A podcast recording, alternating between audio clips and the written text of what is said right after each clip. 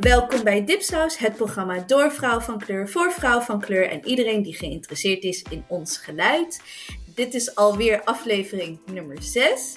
En het wordt helaas deze week niet opgenomen met ons drietjes, lekker knus aan de champagne ehm, bij de studio, in, de, in de studio. Maar we zitten weer braaf achter onze mics thuis vanuit New York City, Amsterdam. En nu niet vanuit Den Haag, maar vanuit Maarsen. Uh, ik woon eventjes weer uh, thuis. En dat heeft van alles te maken met uh, hoge kosten van alles. Het is super gezellig bij mijn ouders, ze super lief. En I love them forever. Um, ja, en ik ben Mariam, zoals jullie hoorden. En ik heb echt eigenlijk heel sad niet echt iets dat ik jullie zou willen aanraden. Want ik luister echt bijna naar niks. ik kijk bijna niks, alleen nog ER.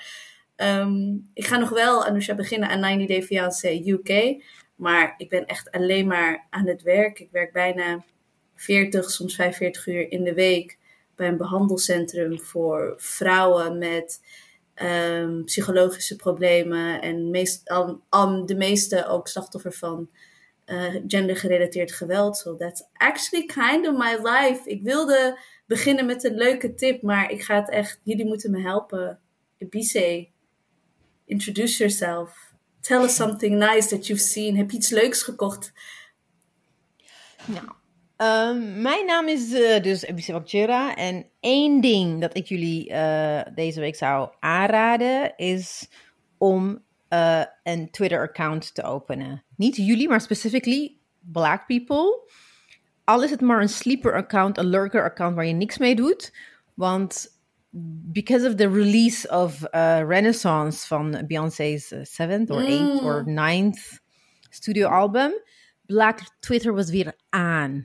And there's nothing wonderful than Black Twitter, die gewoon een hele global cultural phenomena en, en, en, en de, how do you say it, dat, dat het het onderwerp bepaalt. Nou, ik heb echt genoten van de chaos en de fitties en de memes. Ik heb hier echt heerlijk genoten. Dus ik zou echt, if you're black, uh, black person, if you just want like pure joy, set up a Twitter account, doe er niks mee al volg je maar gewoon echt een aantal uh, mensen, dan, dan, dan, dan kan je ook gewoon meedoen met die, met die hoe zeg je het? Met echt in real time kan je gewoon echt meedoen. Want wat ik zie is dat pas later worden dingen, zowel op TikTok als op Instagram, gewoon overgenomen. Maar echt in real time happening. Toen, when, before the release, tijdens de release en daarna echt. Ik, ik, heb, gewoon, ik heb weer gelachen gewoon. Het is echt heerlijk. Dat, dat ja, raad ik iedereen aan en wat vinden we van Kelly's? Sta ik aan? Kelly's heeft gezegd dat. Um, nee, we horen je. Kelly's heeft gezegd dat. Um, Oké, okay, even kijken. Kelly's heeft gezegd dat Pharrell een liedje van Beyoncé heeft geproduceerd met muziek van haar. En dat Pharrell dit al altijd doet. En nu heb je de hele beehive die boos is op Kelly's, omdat how dare she. En Khalees heeft alleen gezegd van, it's just decency, om dan even mijn heads up te geven en te zeggen, hey, I'm gonna use this. En Beyoncé heeft dat niet gedaan, waardoor uh, heeft gezegd ja. En Beyoncé heeft het de hele tijd over black women en black women empowerment. En waar is haar empowerment nu? En weet je, don't talk the talk, but walk the walk. En ik dacht eerst van, ik ben sowieso wel een fan van Kelly's. Um, maar Trick Me Once, Trick Me Twice. Dat is zeg maar toen ik echt een tiener was. En, en toen dacht ik, maar we, elke keer wanneer een album van Beyoncé uitkomt, is het toch wel een artiest ergens die zegt: Hey, those images are inspired by my work. Would have been nice if I was mentioned. En toen dacht ik: Oh, maar dit is toch altijd een beetje zo het geval met Beyoncé? Klopt ja. volgens mij was er iemand een, uh, die een aantal dingen van echt de afgelopen decennia, van dingen die, of het nou chore choreography is of, of, of sample, zelfs met Lemonade. Lemonade album heeft ze ook gewoon een aantal dingen gebruikt van black, queer people, zonder echt credits te geven dat ze achteraf dat soort dingen doen. Dus dat doet ze gewoon aan de lopende band. Dus, dus kijk, dat, dat vond ik ik vond eigenlijk in dit geval het meest fascinerende was dat die albumcover foto with her on a glittery paard te paard met spiky dingen is gemaakt door een of andere witte Hollandse fotografe. Carlijn Oh. Jacobs heet ze. Echt? Ze heet Carlijn Jacobs. Heeft dat gemaakt. Ik heb echt zoiets van, nu heeft Beyoncé heeft echt zoiets van, oké, I gave you two black albums. Je hebt ja, de Lemonade one, which was like, ik zeg nog steeds best wel goed. En dan had je de, weet ik wel, de two albums die te maken hadden met whatever it is dat. Maar waar, ze- waar, die waren niet zo succesvol. En nu gaat ze echt voor gewoon commercial shit. She's her post Let's Platform Black Creatives uh, fase waarschijnlijk. Want waarom zou je een of andere Hollandse chick gewoon laten fotograferen? What happened to platforming Black Creatives? Oh, dat wist ik niet. Nou, en ook, hallo, ableism, hè. Ze heeft ook een woord gebruikt ehm, Ja. eh, in een van haar teksten. Ehm, eh, ja, ik, ik ga het nu niet herhalen, zoals- maar... Ja, Oh, oké. net zoals Lizzo. ik dacht, ja, we gaan het niet Ja, herhalen. en dus je dacht, ik zeg het niet. Blop. Maar goed, inderdaad heel naar woord, wat eh Lizzo ook heeft gebruikt. En ja, nu gaat ze het er dan uithalen, omdat ze terug is gefloten. Dus met andere woorden, wat je volgens mij aan de hand is, is dat zij is natuurlijk zo, natuurlijk zo groot, zo beroemd. Ze heeft natuurlijk zo'n ontzettend groot creative team. Zij beslist helemaal niet meer over dingen. Ik weet zeker dat ze niet Mm. eens daar zeg maar de luxe heeft om daarover na te denken dat daar gewoon 30 mensen, nou tussen de 30 en 50 mensen, dat allemaal voor haar beslissen en produceren. En met dat geval met Kelly's, dat is wettelijk is het netjes gegaan. Hè? Dus Ja. de- alle, alles is vernoemd zoals het moet worden vernoemd. Maar het punt is, wat Kelly's maakt, is A, ehm, Chad Hugo en eh, Pharrell hebben eigenlijk de credit voor het nummer genomen. Dat was omdat zij toen onbekend was en een slecht contract heeft getekend. Dat hebben we ook besproken bij, eh, bij Rihanna, weet je wel, onze, onze aflevering. Oh Er ja, gebeurt ja. heel veel, helemaal bij vrouwen. En zij verdienen, hebben daar geloof ik nou alleen al aan dat nummer, ik geloof iets van 15 miljoen of zo verdiend.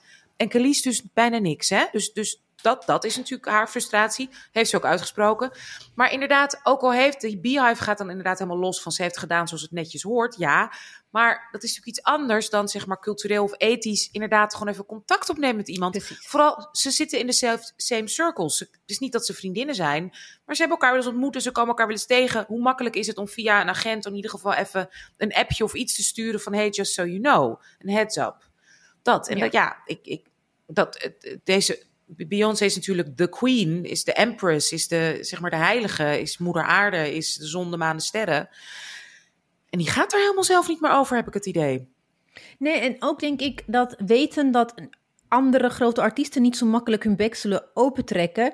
Whereas Khalees, haar beef met Pharrell en Chad, waarvan ze allebei zeggen, they have never written a song a day in their life, zegt ze.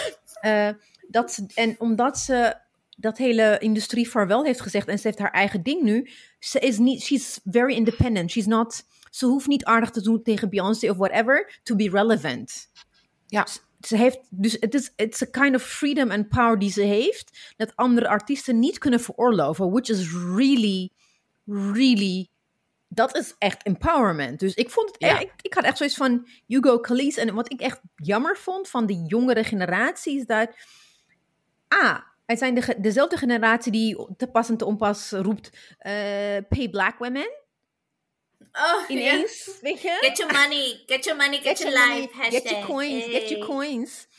Eh, maar ook dat ze niet weten dat inderdaad Renaissance is like a mass market version of the blueprint, which is Khalees. Khalees heeft, wat Beyoncé nu doet, heeft Khalees al lang gedaan. Maar toen was ze nog, nog how do you say it? Eh, she was, ze was haar tijd vooruit, want ze zijn ongeveer even oud. Khalees is twee jaar jonger. Of, of misschien, ja, nee, Khalees is twee jaar ouder. Ze zijn ongeveer tegelijk gewoon eh, groot geworden. Maar iedereen zei van, ja, maar Khalees was niet een successful R&B. She was never an R&B like Destiny's Child. That was not her thing. nee. Ze was meteen al gewoon cutting edge, ja. Met, Altijd gewoon geen edge, historisch besef. En dan denk ik van echt, please. Haar doorbraak was I Hate You So Much Right Now. Ja. Dat nummer was haar doorbraak. Ik bedoel, dat zegt toch echt Ja. zo. Daar deed Ja. Beyoncé met echt alle respect voor wat een waanzinnige vakvrouw en weet je, stemkunstenares, danseresse is. Maar dat kwam bij haar pas bij Lemonade, inderdaad. Dat ze hè, haar woede en alles. Khalees is begonnen met Black Female Rage. Dus eerste, eerste grote hit. Ja. Dus het is echt best wel triest om mensen die dan echt geen... Ze denken dat... Also, the weirdness is like the, the younger generation, they forget that Beyoncé is niet 20. Beyoncé is gewoon 40. She's our generation. So we, hebben, we weten nog waar ze was. En wie haar, wie, wie Nee, en haar peers, en- contemporaries waren. Nee, maar daar vind ik ook niks mis mee. Zij is inderdaad, weet je, product van haar opvoeding. Die ouders hebben haar van kleins af aan gedrild. Eh, Klaar, weet je, net als de Jacksons, net als, weet je, eh, Andre Agassi, eh, Serena Williams. Ik bedoel, zoveel mensen. Briljante mensen zijn van kleins af aan gedrild. Zij ook. Ze heeft zich losgerukt, althans, hè, van de vader weg, haar eigen weg. Dat vind ik juist prachtig en, en, en heel mooi, inspirerend. Maar inderdaad, het, het wordt op een gegeven moment op een bepaald niveau ben je bijna onmenselijk. En, en ben je dus ook niet meer bezig met menselijke verhoudingen. En ga je ervan uit dat de 50 mensen in je team, die zij betaalt, dat die dat allemaal doen. Ja, nee, ik, ik bedoelde meer van like the younger generation die denken dat, dat, dat zij, dat wij nu, dus de, degene die kritiek hebben op Beyoncé, like vooral onze leeftijd, that we don't know what we're talking about. Like, they were in diapers toen Beyoncé debuteerde. Weet je, we, Ja, we remember. precies, ja. Dat bedoel ik meer. Ja. Ze waren nog in diapers, didn't know if she even existed. Denk ik van, wacht even, doe even gewoon, weet je wel. The North remembers. Ja, de North remembers, de oudjes, de Gen, Gen Z remember, nee, Gen X remembers. Ah, ja. It's, a nice album, though. It's nice. It's groovy. Het is een goed. Ja, hoe vinden jullie het mij album? wel een goede. It's nice nice. background muziek. Ik vind het wel. Ik vind de A- Alien Superstar. Dan ga ik echt. Ik heb dat vandaag. kwam ik terug van werk echt zo helemaal moe. En toen heb ik wel het laatste stukje op de snelweg. heb ik mijn ramen open gedaan. Zo naar beneden. En dan zo lekker wit. En dan. Ah, too sexy for my time. Na, na, na, na, na, na. Ik heb wel even een Alien Superstar momentje gehad. I'll admit it. Nice. That one and Pure Honey. Pure Honey zijn Oh, de twee ben ik nog niet gekomen. eh, earworms. En voor de rest is het gewoon, ja, het is nice background muziek. En eh, ik, ik hoop dat ze heel veel geld verdient. En Her, her voice, wat ze doet met haar stem is mooi. Ja. Het is leuk dat het een hele Ja. set is. ja. Wat, heb jij geluisterd, Anousha? Nee, ik luister zo weinig naar muziek de laatste tijd, merk ik. En al helemaal niet een heel album of zo, weet je wel. Ik luister gewoon naar mijn podcasts en, en, en, en, en comedy. Ik luister heel weinig. Ik heb weinig geduld voor een, een liedje of zo. Het moet echt, ja, in de auto inderdaad. Maar ik rijd natuurlijk heel weinig ik, in ik, New York. ik denk echt als jij luistert dat je heel veel eh, nummers, like 80s en 90s disco, gaat je gewoon, Ja. ga je gewoon allemaal. Want op een gegeven moment zei ik ook van het veld, de eerste keer dat het voelde alsof het Beyoncé is featuring on bestaande liedjes. Zo, zo kwam, Ja, komt het ja. gewoon over. Omdat je heel veel dingen gewoon erkent. Oh, Dus het is, nice. het is it's a very, very safe album. Oké. Ja, ik denk dat je daar... En het is de eerste van drie, hè. Dus ja, Ja. we don't know what's gonna... What's gonna Nog come. meer. En it was like the Nog most meer. het meest waardeloze, waardeloze, ehm, hoe heet het? Recensie werd geschreven. Oh, die in de NRC? En er is- want ja, Sabrine, Sabrine Oh, werkt daar niet meer. Hè? Ze, is gewoon, ze is gewoon klaar met haar. eh, eh, dus they- I- you, can, you can tell that they, they, don't know, they don't know a lot of black people who can write about this stuff. Het was echt zo, een of andere chick. Ik weet niet hoe ze heet. Hoe heet ze ook alweer? Ik heb het. Volgens mij heb ik het. Oh ja, Cecile van Wijnsbergen heet ze. Ze zei letterlijk: fijn om even aan de NRC-lezers uit te leggen wat Totty betekent. Oh, Wat what? wat betekent? A thotty. Toddy. Oh. En eh, ze, ze zei echt, een stukje, was het dus toddy betekent slet, maar dan op een positieve manier. Dat heeft ze letterlijk uitgeschreven. What? No, Ja. that's not even true. Ja, en dan zegt ze ook verder, bla bla bla bla bla, naar het ball culture. Een subcultuur uit de New Yorkse queer scene, waarbij performers op de dansvloer strijden om titels in verschillende categorieën, bla bla bla. Gewoon, het is, het is geen muziekrecensie. Het is gewoon, eh, ik heb heel veel op eh, Twitter gelurkt. En nu ga ik even lekker edgy doen eh, in, op NRC. En dan ga ik aan witte mensen uitleggen wat Beyoncé aan het doen is. Het was echt... En- Ja, maar ook, ze gebruikt ook woorden als geil. Gewoon heel erg. En, en Arzu, Arzu Aslan, shout-out, zei ook weer van... dit, is, dit is echt gewoon typisch Turks fruit cultuur. Ja. Dit is echt gewoon te gênant voor woorden. Oh, hilarisch. Oh, dus mijn... mijn Oké, okay, alright. Well, I guess then I'm a Tauri. ja, het is echt... Nou ja. Maar goed, she, she, she had me defending Beyoncé. Oh, Why, oh, women, oh. women out here. Oh, oh, oh. Ja, en dan weet ik zeker dat ze bij de NRC zouden zeggen: ja, nou, uh, dan als we er niks mee doen, is het ook niet goed. En als we er dan wat mee doen, is het dan weer ook niet goed. Ze kunnen er nee, mee doen. je moet het beter doen. Ja. ja. Geen zesjescultuur. Nee, precies. Oké, okay, ja, of, of course we talked about Beyoncé, maar Anousha. Ja, mijn naam, je mag gehoord. Mijn naam is Anousha Nzume en ik ben in de rabbit hole beland deze week een beetje die uh, private plane users heet. Oh, Want. Oh. Uh, oh, dit is leuk. Dit is leuk. Want wat schetste mijn verbazing? Er is dus een lijst uitgekomen met welke van de beroemde climate warriors die zo bezig zijn met het milieu en zeggen dat we allemaal, weet je, min korter moeten douchen en de kraan even dicht moeten doen als we onze tanden poetsen en inderdaad ons niet hoeven wassen of misschien twee keer dezelfde onderbroek aan moeten. Wie van die mensen gebruikt, verbruikt het meeste CO2 en met name door gebruik van hun private planes? En op nummer 1 stond tegen alle verwachtingen in, althans vond zij zelf, stond, um, uh, stond uh, Taylor Swift.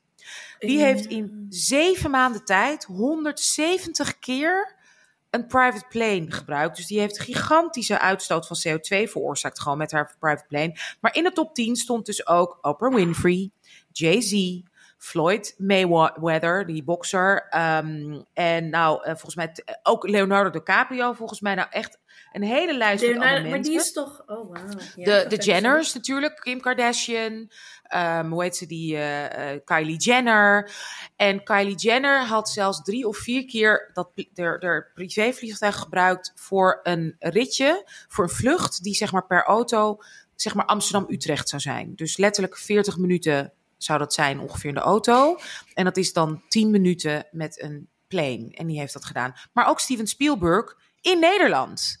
Dus die vloog van Amsterdam naar Rotterdam met zijn privévliegtuig. In plaats van gewoon lekker What? met trein. En dan eerste klas. Ja. Wauw. En dan bijna al die lui. toch op en dan moet je alweer landen. Ja, ja, ja. ja, nee, maar je kan sowieso vliegen hè, van Amsterdam Rotterdam. Dat, dat doen schijnen best wel veel zakenmensen te doen. Er gaan ook vluchten gewoon dagelijks van Amsterdam naar Rotterdam.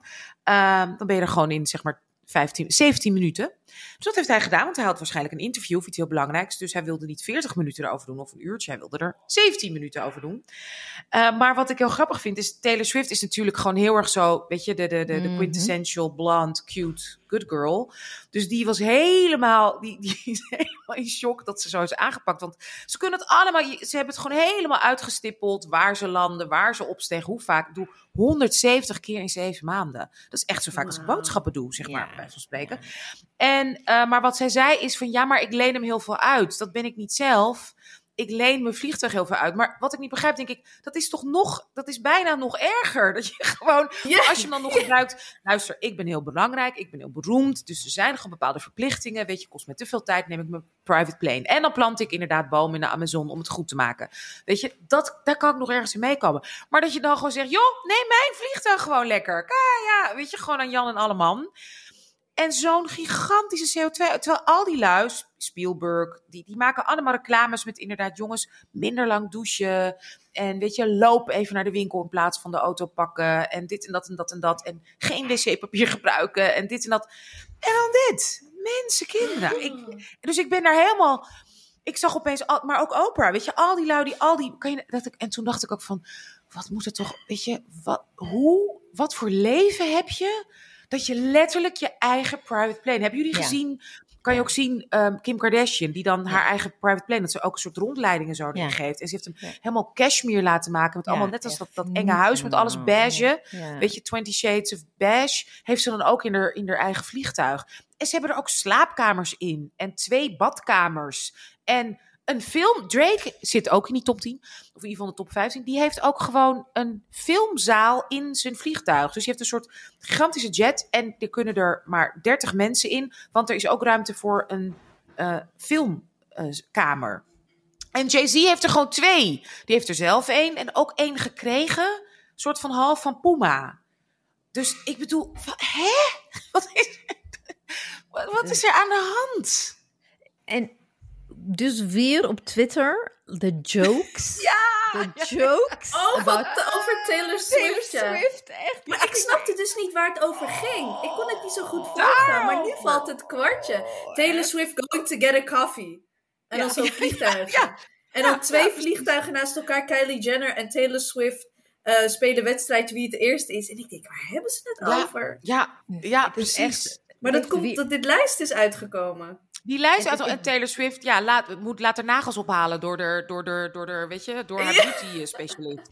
En het is echt, Gewoon- het is gewoon, het is gewoon, en het it brings out the best of Twitter. Want op een gegeven moment, jullie kunnen het niet zien, maar er is gewoon een, een, een, een, een aerial foto. Iemand heeft een aerial foto van eh, vliegtuigen ge- ge- genomen. Waarin je ziet echt 1, 2, 3, 4, 5, 6, 7 vliegtuigen. En ook nog kleintjes, dus waarschijnlijk gewoon allemaal toy vliegtuigen. En dat is Taylor Swift's driveway. Ja, dan, John Travolta schijnt dat echt te hebben. Die woonde in Florida. Die had op zijn driveway gewoon inderdaad al zijn vliegtuigen. En dan, toen heeft iemand dus gereageerd van echt heel serieus. But she literally has only one plane. En dan Ja. een andere Twitter, uh, iemand with a Somalian flag, she has more than one.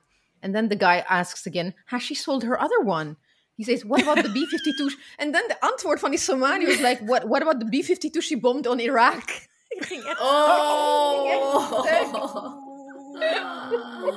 Nee, maar dat deed ze niet zelf, hè? Nee, dat deed ze. Mocht een Ja, van dat was, ze- die had ze geleend om dat te doen. Ja, uitgelegd. maar, maar die ook die zijn toch erger dan gewoon... Zijn, maar hebben jullie ook die foto gezien van Kylie Jenner en Travis Scott? Ik bedoel, Travis Scott. Dan met z'n tweeën staan ze dus op een tarmac en in het midden van twee privévliegtuigen. En dan staat er, her- hebben ze zelf dus, heeft zij dus Zelf gedaan, gedaan. Shall we take yours or mine? nou, dan, ja, dan, dan mag je van mij Ja. toch echt, echt, nou, ik weet niet, hoe kan je, nou, billenkoek gewoon. Dat Ja. denk ik echt. Billenkoek. Gewoon billenkoek. ouderwets slaan. Gewoon Ja. echt ouderwets gewoon. Je mag zelf een tak uitzoeken uit de tuin. En dan kom je terug en dan krijg je van mij 15 meppen. Echt, seriously. It's disgusting. Echt, toch? It's really disgusting. Ik heb alleen iets snel van op TMZ gezien over dat Drake zei... ehm, ik weet niet meer in details, maar Drake zei zoiets van... Ten eerste, die vlucht duurde niet zo lang. Het was 10 minuten korter. En ehm, and it was a logistic thing. There was no one on the plane. En toen dacht ik, dat is alleen maar... Eh, ja, ja, ja. Daar gaan, eh, dus inderdaad, eh, er gaat gewoon drie kwart, drie vierkante kilometer gaat dood in de Amazone. Want meneer Drake moest 10 minuten, die wilde een milkshake ergens It was something logistic of zo. Ik denk, dit, Ja. dat, it's, it's worse. Het is echt... Ja, eat the rich. Ik ben klaar met- Echt. ja. Ik ben Eerst echt. Eerst billenkoek van Anousha. En dan Ja. eat the rich. En, eh, ik zeg gewoon, ja, because- guillotine gewoon. Ik heb echt zin gewoon om zo'n guillotine op. Dacht ik, oh ja, wat moet dat toch lekker zijn geweest in die tijd. Dat je dat gewoon, echt gewoon klaar, ja, die Fransen. Dat je echt, toch op dit moment denk ik echt van, ja, we, zijn, we gaan echt die kant op. Dat ik bijna zou meeschreeuwen daar. Seriously. Ja. Ik denk, de- ik denk echt wel dat dit, dit gaat alleen maar meer en meer worden. Omdat, eh, weet je, de, de armsten do not have a car. Dus ze nemen allemaal, weet je, en zelfs public transportation is bijna onbetaalbaar. Hier in Nederland in Ja. ieder geval weet ik dat mensen in de bijstand zelden een trein nemen. En dan log je in op je Instagram en dan zie je dat. Ja, dan wil je gewoon... Dan, ik, dan snap ik waarom keer iemand zeg maar gewoon eventjes zo'n duwtje geeft. Zo, van een brug af. Ik vind het echt, ik, ik, ik ben klaar met. En wat ik zo erg vind, ze leven ook allemaal gewoon van, zeker de Jenners en die Kardashians, die leven letterlijk dus daarvan, hè, van bekend zijn. Dat is hun Mm. verdienmodel. Dat wij allemaal kijken, klikken of hun spullen, weet je, spullen kopen. Dus we trappen er ook nog eens allemaal in. Dat vind ik ook zo erg. Ik ook Ja. met JLo Beauty. Ik heb allemaal JLo Beauty, waar ik zo blij mee ben. Staat JLo op die lijst? Nee, godzijdank niet. Godzijdank. Er circuleerde een. Ik, ik wil deze wel echt in de show notes doen. Dat ga ik echt gewoon. Daar ga ik zelf voor zorgen. En dat is een filmpje, een interview met Cardi B. En dan wordt ze geïnterviewd. En dan zegt ze echt. En hier is ze al een beetje rijk. Want je kan zien wanneer ze zeg maar voor plastische chirurgie en uit plastische chirurgie. En zegt ze: You know, I'm cheap. You know. Uh, met vluchten. I, I, weet je, ik ga wel business, maar I don't, I'm not gonna fly, fly my own jet. Weet je, in private jet, normal plane. Maar eerst stil pap. dus ik denk dat Cardi B gaan we ook niet op die lijst. Of misschien wel. But I hope not. Not all our Ja, favorites, mij- toch? Ik, weet- ik, ik hoorde een keer een interview met eh, een soort kleindochter of zo van Walt Disney. Nou, je weet hoe rijk die familie is. En een van hun kleindochters of zo, die is daarvan afgestapt. Die zei, ik, die is helemaal uitgestapt uit die familie. Die wilde ook het geld niet, die wilde de erfenis niet. Ik bedoel, volgens mij heeft ze genoeg. Ik bedoel, die hoeft nooit te werken hoor, daar niet van. Ja, ja, En ze zei, voor haar was zeg maar de omslag dat ze dacht van dit is niet. Ze zei, als je eenmaal inderdaad een privévliegtuig hebt en dus echt volledig dus niks meer met mensen te maken hebt en echt Hmm. naar je eigen vliegveld met je eigen dit en je eigen dat, dan, ze zei, dan, dan, dan komt er een soort onmenselijkheid. En dan, dan gaat het in de familie ook alleen maar daarover, is, is alle sense of normalcy of inderdaad zeg maar contact, communicatie, beleefdheid valt volledig weg. Ze zei, toen dat gebeurde in de familie, zag ik, hè, dan crumbled zeg maar alle human decency, crumbled dan weg. En gaat het alleen maar over, hier, ik smijt wel geld neer en ik kijk je niet eens aan en dit en dat. En, en, en leave me alone en regel dit voor me. Ja, is... Want de echte rijke mensen zien wij niet. Nee. We don't see them. Nee, nee. Nee. Dat verbaasde me ook uh, aan die. eh, ik moet nu denken aan die, die scammer. Die scammerman die deed alsof hij een biljonair of miljonair was. Mm. En die dan op Tinder zat en dat vrouwen dan. Ja, de Tinder-swindler. miljonair op Tinder zat. Tinder zei, swindle, omdat hij dat... the Ja, ja, ja. Laten we dat niet Maar zien. Nee. Nou ja, wel dus de Jenners. Ja, ja, ja. Nee, Eat dat was mijn rabbit hole.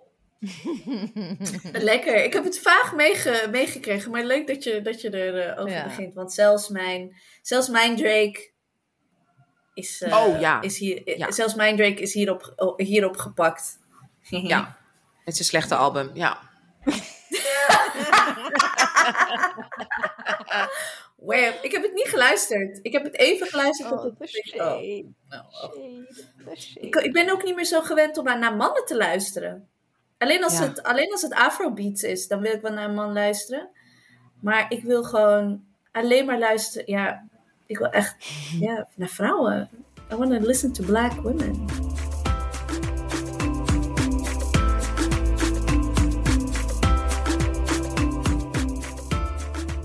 Nou, ehm, luisteraars, Nou, lieve eh, luisteraars. Nou, eh, luisteraars.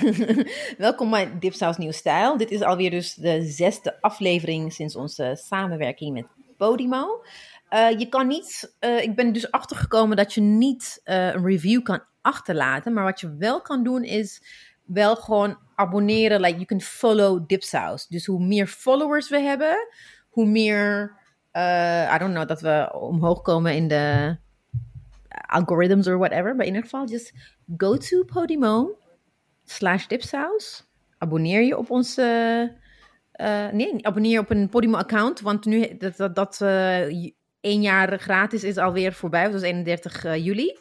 But go there, neem een abonnement. Like us, love us, hug us. Be nice to us. En is het nog Het steeds... is nu eh, zes is nu- maanden. Zes maanden, hè, nog Ja, steeds. dus nog steeds krijg je zes maanden gratis. eh, kan je een abonnement eh, aanmaken. En dan heb je gratis zes maanden. Je moet daarna wel, als je het wil stoppen, maar dat wil je vast niet, want het is 5 euro per maand. Dus Ja. als dat kan, weet je, kan je het houden. Maar anders moet je wel op tijd zelf eh, je abonnement opzeggen tijdig. En vergeet je ook niet te abonneren natuurlijk nog steeds op onze nieuwsbrief. Dat kan gewoon via dipsaus.org. Die staat vol artikelen, winacties, evenementen, playlist. En natuurlijk onze eigen Dipsaus exclusives, essays, recensies en et cetera. Yes, welkom luisteraars. Ehm, deze aflevering ga ik proberen te doen zonder te huilen. Zonder te huilen.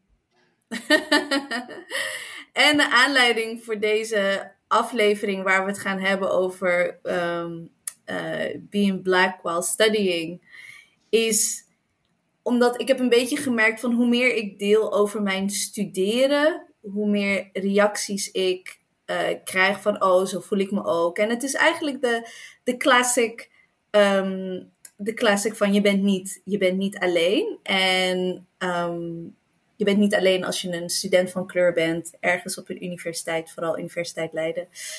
Ehm, dus daar wilde ik het vandaag over hebben. Studying while black, while brown, while muslim, while zichtbaar moslim.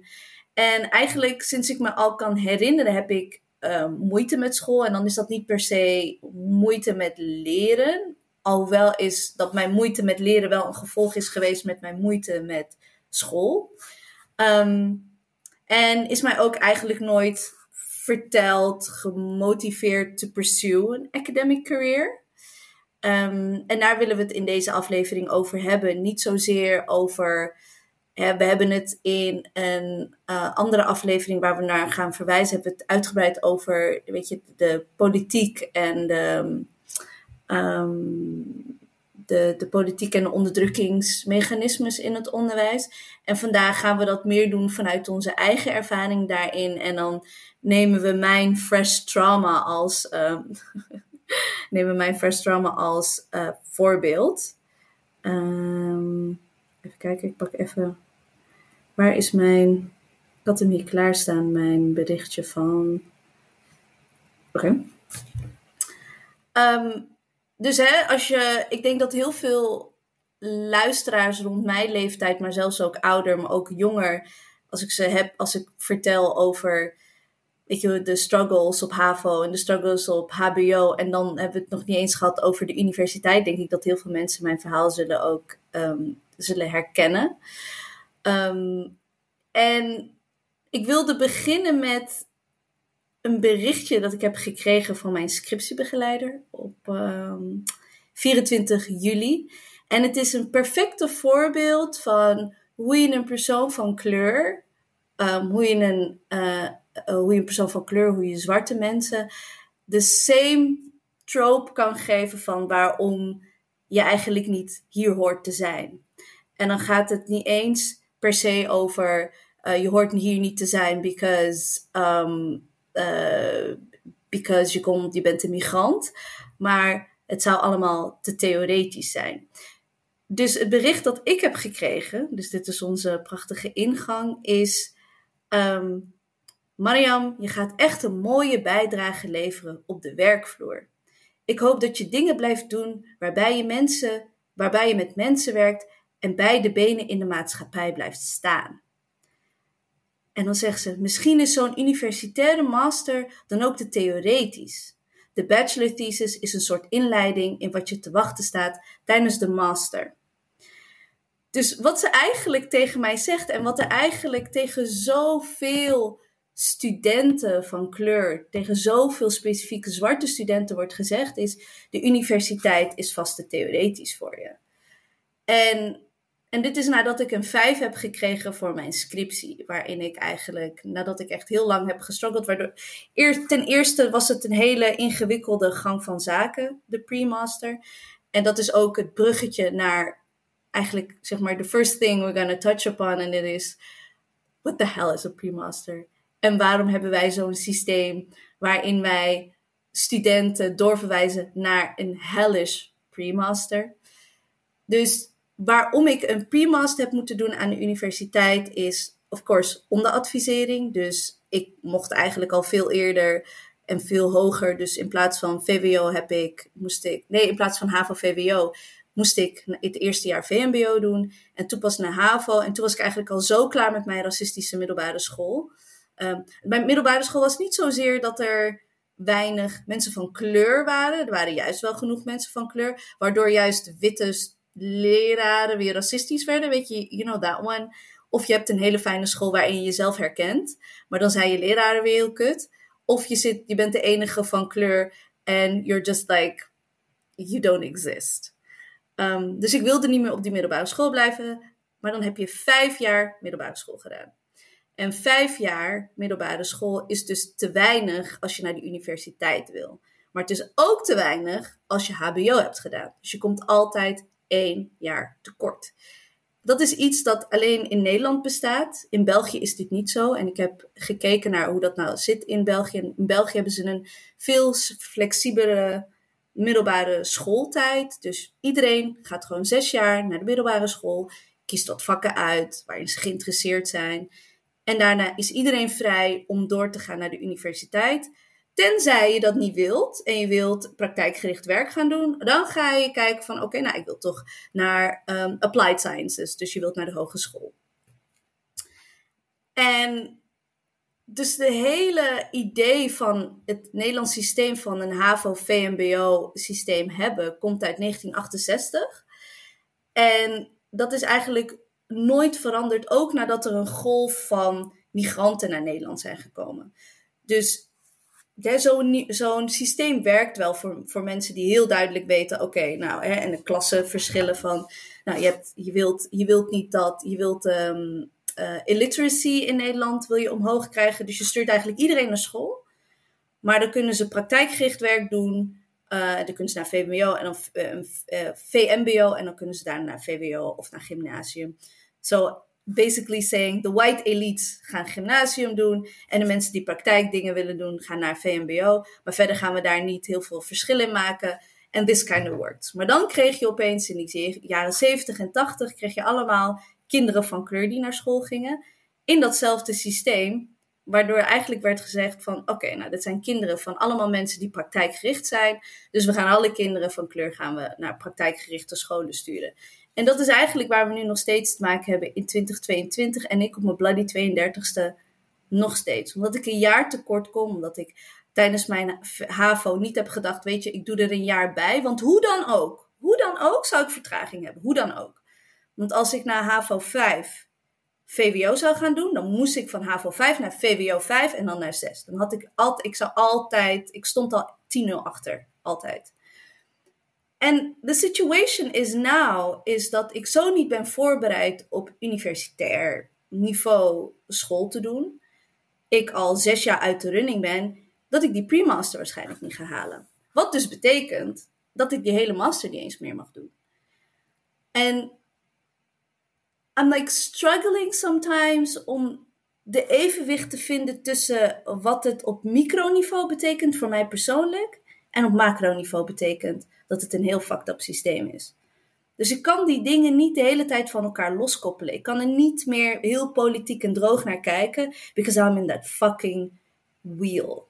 Weet je, en ik ga er doorheen en crushed en crushed. En ik ben at the point like, I'm at the point dat ik op wil geven, which I'm not ashamed of, om te zeggen opgeven, want voor mij betekent opgeven, ik ga gewoon wat anders zoeken. Um, dus ik ben gaan kijken van, oké, waar gaan veel Nederlandse studenten naartoe? Of course, heel veel Nederlandse studenten, heel veel Nederlandse studenten van kleur gaan naar België.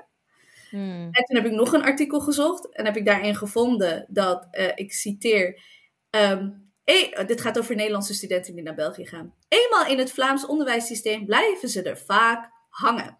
Vooral door die betaalbare en uiterst flexibel opvangsysteem vormen de Vlaamse scholen een geduchte concurrent voor de Nederlandse scholen. I mean, like, what more is there to say? Like, ja. Ik ga denk ik echt op mijn 32e, I'm just gonna say Nederland. It's fine. It's fine. Dit is blijkbaar niet voor mij. Ik ga naar Brussel. Ik ga met de, de punten die ik heb gehaald, ga ik daar naartoe. En just ja.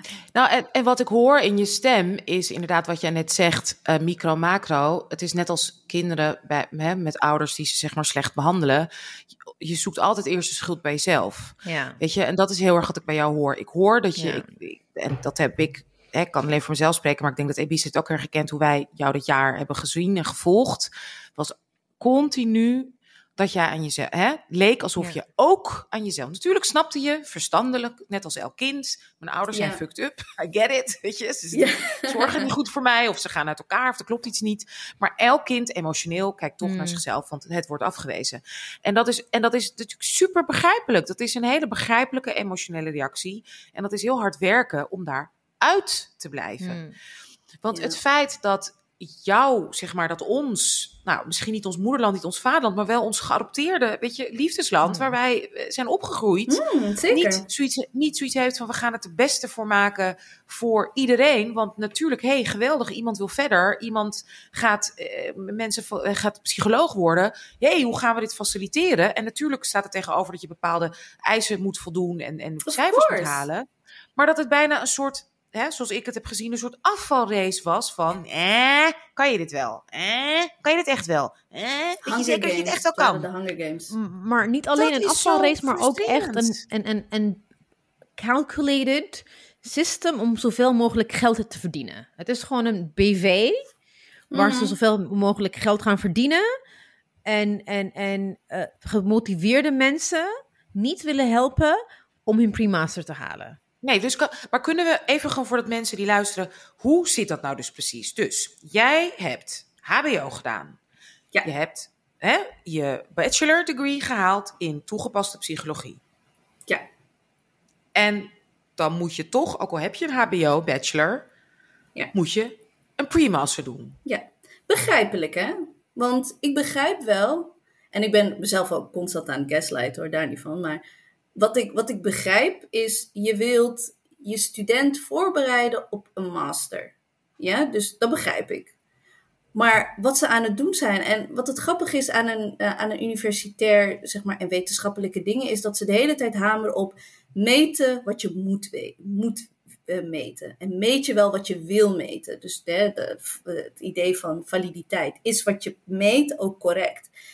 En hoe zij ons testen, is zij meten niet of ik een goede psycholoog ga zijn. Zij Nee. meten alleen van wat is mijn, hoe goed ben ik geprimed om zo'n multiple choice test te maken. Ik ben zo slecht in multiple choice. Ik ben daar zo. Ik, ben, ik kijk gewoon, wanneer ik mijn cijfers kijk, ik krijg alleen maar 5.1, 5.5, 5.6. Af en toe een zesje. Maar wanneer ik een essay schrijf, dan, dan zitten Hmm. de cijfers hoger. Ik ben dus, ze testen je alleen, dus ik krijg heel veel statistiek. Ik heb één jaar lang alleen maar statistiek gedaan. Wat, studenten, wat bachelorstudenten in drie jaar krijgen, heb ik Ja. één jaar gehad aan statistiek. Echt scheidsziek werd ik ervan. Maar ik snap wel wat ik heb geleerd ervan. Maar het is zoveel geweest dat ik van alles maar een klein beetje ik probeer alle ballen in de lucht te houden Ja. en nog een thesis te schrijven.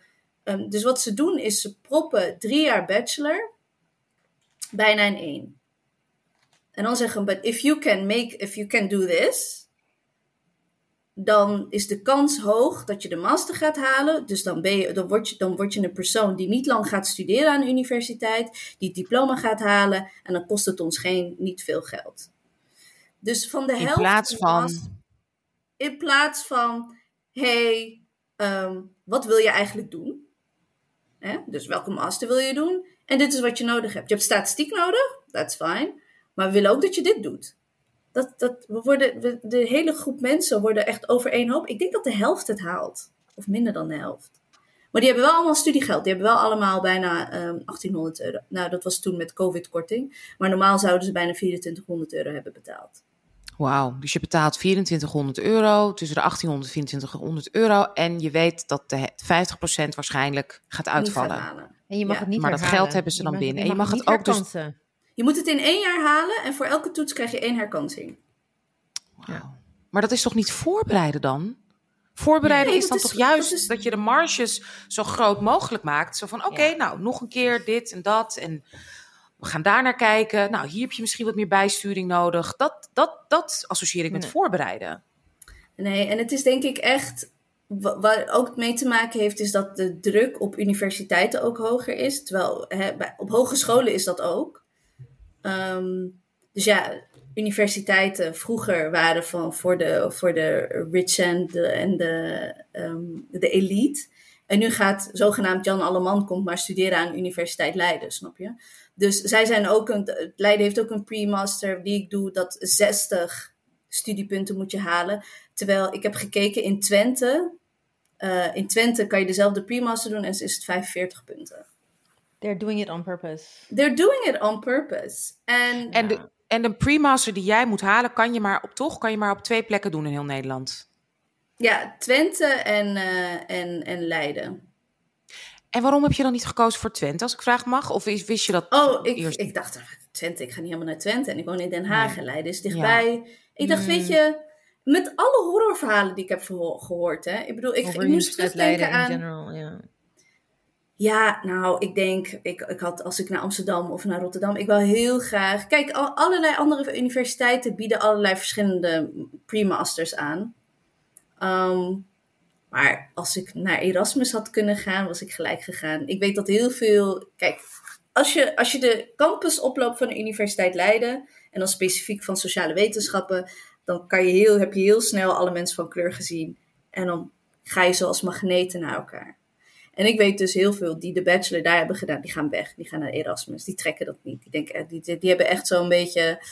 En daar gaan we het later over hebben, over echt je mentale gezondheid en universiteit. Uh, maar die trokken het niet en die, en die gaan weg. En de, de vooral vrouw van kleur die ik ken, met wie ik deze pre-master heb gedaan, was überhaupt belachelijk dat zij het moesten doen. Zij kwamen van een bachelor um, universiteit uit Amsterdam en moesten dan naar Leiden en alsnog die pre-master doen, want het kwam allemaal niet overheen. Dus die hebben allerlei statistiekvakken ook nog gedaan. Het is. Maar het hoe, is, waarom het is is dat bijna systeem dus complotniveau. Ja, wa- want hoe kan het dat dit zo... Hè? Het klinkt zo arbitrair en zo vaag. En ik heb ook een vriendin van mij gesproken. En haar kinderen zijn opgeleid in... hebben middelbare school gedaan in Zuid-Afrika. Brits systeem. Op het allerhoogste niveau hebben ze eindexamen gedaan. Maar omdat ze inderdaad dat zesde jaar missen... moesten ze allebei dus een soort test doen... om te kijken of ze in Nederland een universitaire bachelor mochten halen. En eentje in één stad mocht het dus niet halen, ook al had ze de test hè, boven de 60% gehaald. En de andere die in een andere stad ging studeren, mocht het dan wel. Dus het is ook nog eens per universiteit verschilt dat. Verschillend. En dan heb je. Universiteit Leiden, who is like the, the, the Satan. It's the Satan of universities hier in Nederland, volgens mij. Want ik heb het niet onderschat, hè. Ik heb genoeg verhalen gehoord van EBC. Want EBC is, a, is our very own university dropout, mag ik dat zo zeggen? Ja joh, ik, heb, ik ben Leiden ontvlucht. Na zes maanden.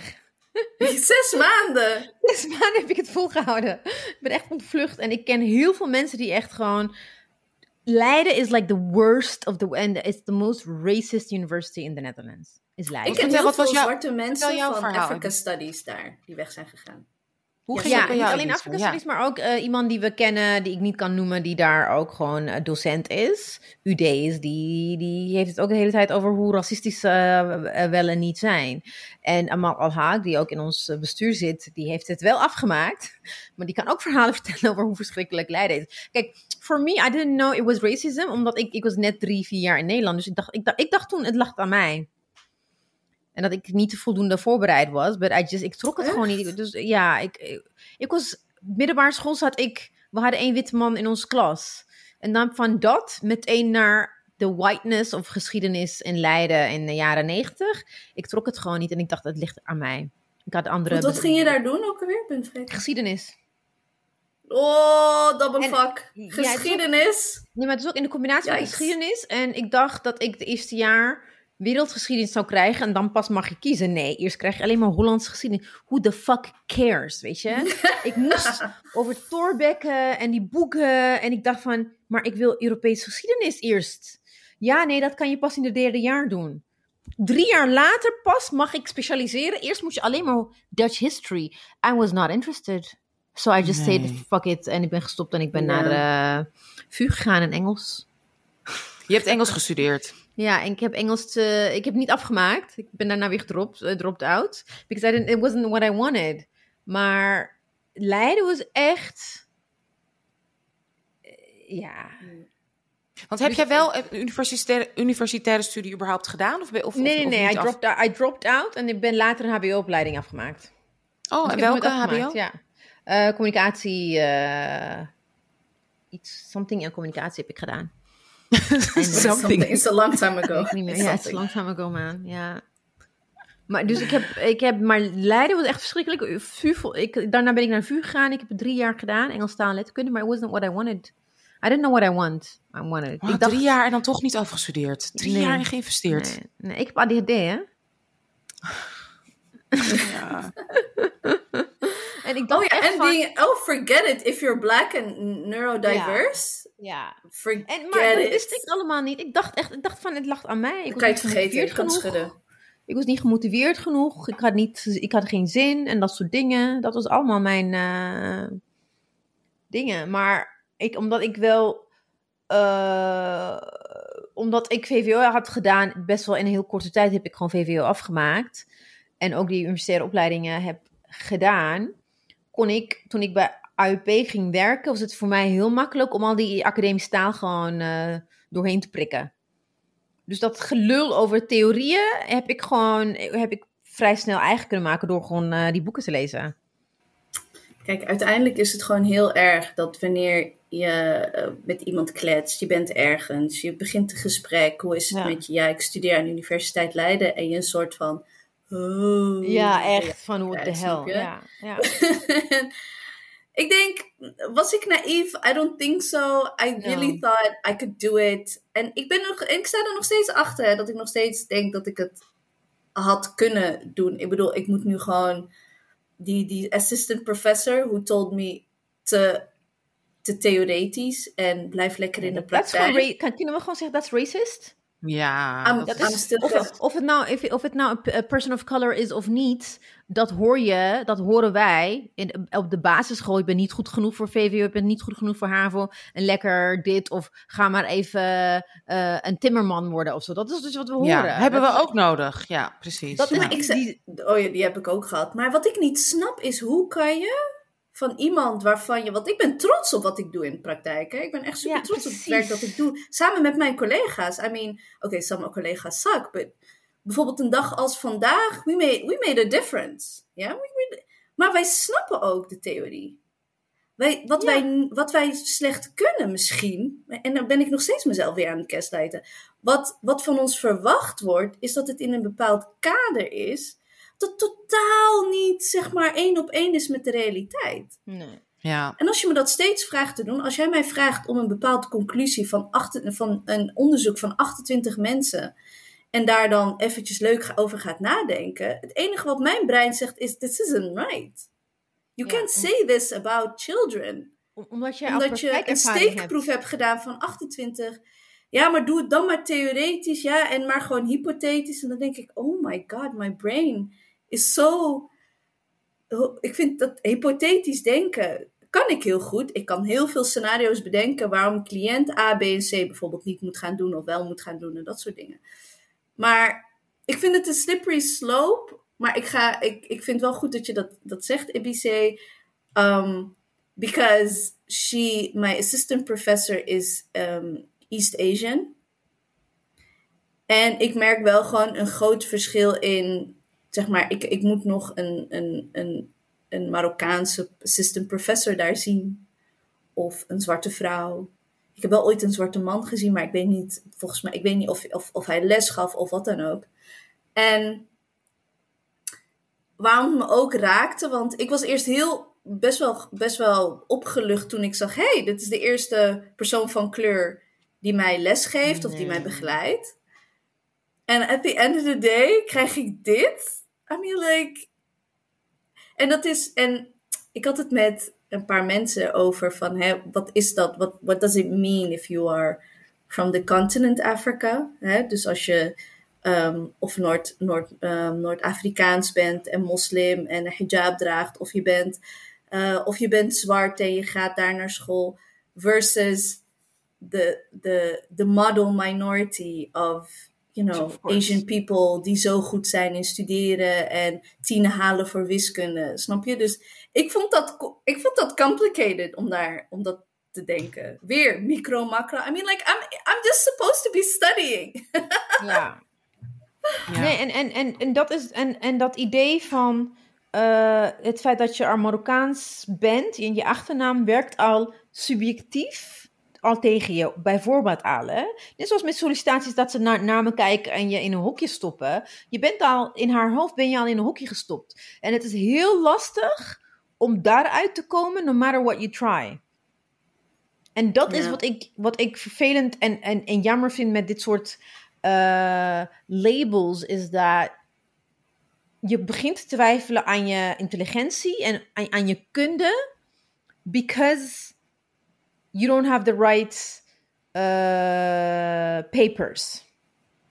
And it is, I guess, because of I guess because of ik, ik persoonlijk dan vanwege mijn uh, aanraking met wetenschappers en wetenschappelijke werk en studie en, en dat analytisch vermogen wat ik heb, dat ik best wel kritisch ben, heb ik dat wereldje van dichtbij gezien en I was not impressed with these people. Ik dacht eerst, oké, het zijn wetenschappers. Dat ben ik Nee, niet. no, no. Ik, heb niet eh, ik heb niet doorgestudeerd, ik heb geen masters gehaald en ik heb geen PhD gehaald. Oké, they are smart people. And you talk to them en ze kramen dezelfde bullshit onzin uit. Misschien zijn ze heel goed in hun vakgebiedje, maar daarbuiten eh, eh, slim zijn en analytisch verm- vermogen hebben, is ook dat je buiten je, datgene wat je gestudeerd hebt, dat je ook gewoon een, een, een, een, een een generalist kan zijn. Dat je gewoon de wereld kan snappen. Forget it. En langzamerhand dacht ik van oké, eh, it doesn't mean shit, shit gewoon. Het betekent niks. Ja. En, en, en, en dat heeft me geholpen om sta, me- mezelf staande te houden in dat wereldje. Want hoe, hoe mensen dan elkaar eh judgen daar, is like, eh, het is niet van wat heb je gestudeerd, het is like, waar, waarop ben je gepromoveerd? Masters is nothing. Je moet een PhD hebben. Dat is het instapniveau in de academische wereld, in de academische public, eh, publishing world waar ik in zat. Dus instapniveau is like, op, op- waarop ben je gepromoveerd? Dus ze gaan er al vanuit dat iedereen een PhD heeft. Ja. En, en ik zei ook van, ja, oh nee, I'm, eh, ik, ik zei echt heel veel, ja, nee, ik ben een, ik ben een college dropout. Oh, oh, oh, oh. Oh, dan, eh, je spreekt heel goed Nederlands. Oh, oh, en ben je Ja. wel heel slim. Like, fuck you, maar echt. Je zal vast heel goed zijn in de eh, praktijk, Ebice. oh. Vast heel goed in de praktijk. Maar Anousha, jij bent degene van ons die eh, Latijn en Grieks deed.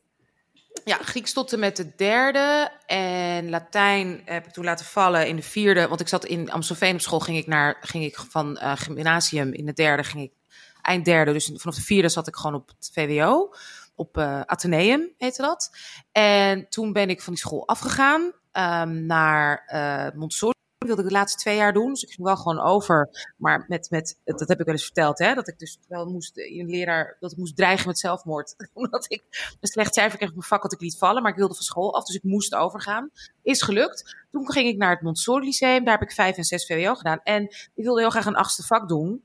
En eh, toen dacht ik, oh, kan ik niet gewoon Latijn doen? En toen zeiden ze, oh ja, weet je, zo heel Montessoriaans. Ja, als jij Latijn wil doen, hartstikke goed. En doe maar. Toen deed ik gewoon weer Latijn. Maar dat was één keer in de week. En dan hadden we meteen vier uur lang Latijn op vrijdag. Dus dat sloeg eigenlijk helemaal nergens op. Maar ik heb er wel eindexamen in gedaan. Ongelooflijk. Het is gewoon een tekst vertalen. Hè? Je eindexamen Ja. dat je gewoon een hele lap tekst vertaalt. En ik weet, ik moest iets van een 5,7 halen om het te halen. En dat had ik net gehaald. En toen stond ik zelfs nog een 7. Dus nou ja, lijkt het nog alsof ik heel goed Latijn ook op mijn vakkenpakket had. Maar dat, ik, ik weet echt bijna niks meer. Ik, het grappige is, wat mij altijd heeft gered in school, is dat ik juist heel goed. ehm, ik, ben, ik denk omdat ik ook een muzikaal talent heb. Hè? Ik, heb natuurlijk, eh, ik ben natuurlijk eh zangeres, actrice. Eh, altijd piano gespeeld. Dus ik heb een heel goed muzikaal gehoor. Dus ik snap taal heel goed. Ik leer snel talen. Mijn vader sowieso, die was hoogbegaafd en die sprak binnen een week een taal. Dat was echt niet normaal. Die, die, die leerde, als hij ergens op vakantie... Mijn broer ook, die heeft het ook, mijn oudste broer.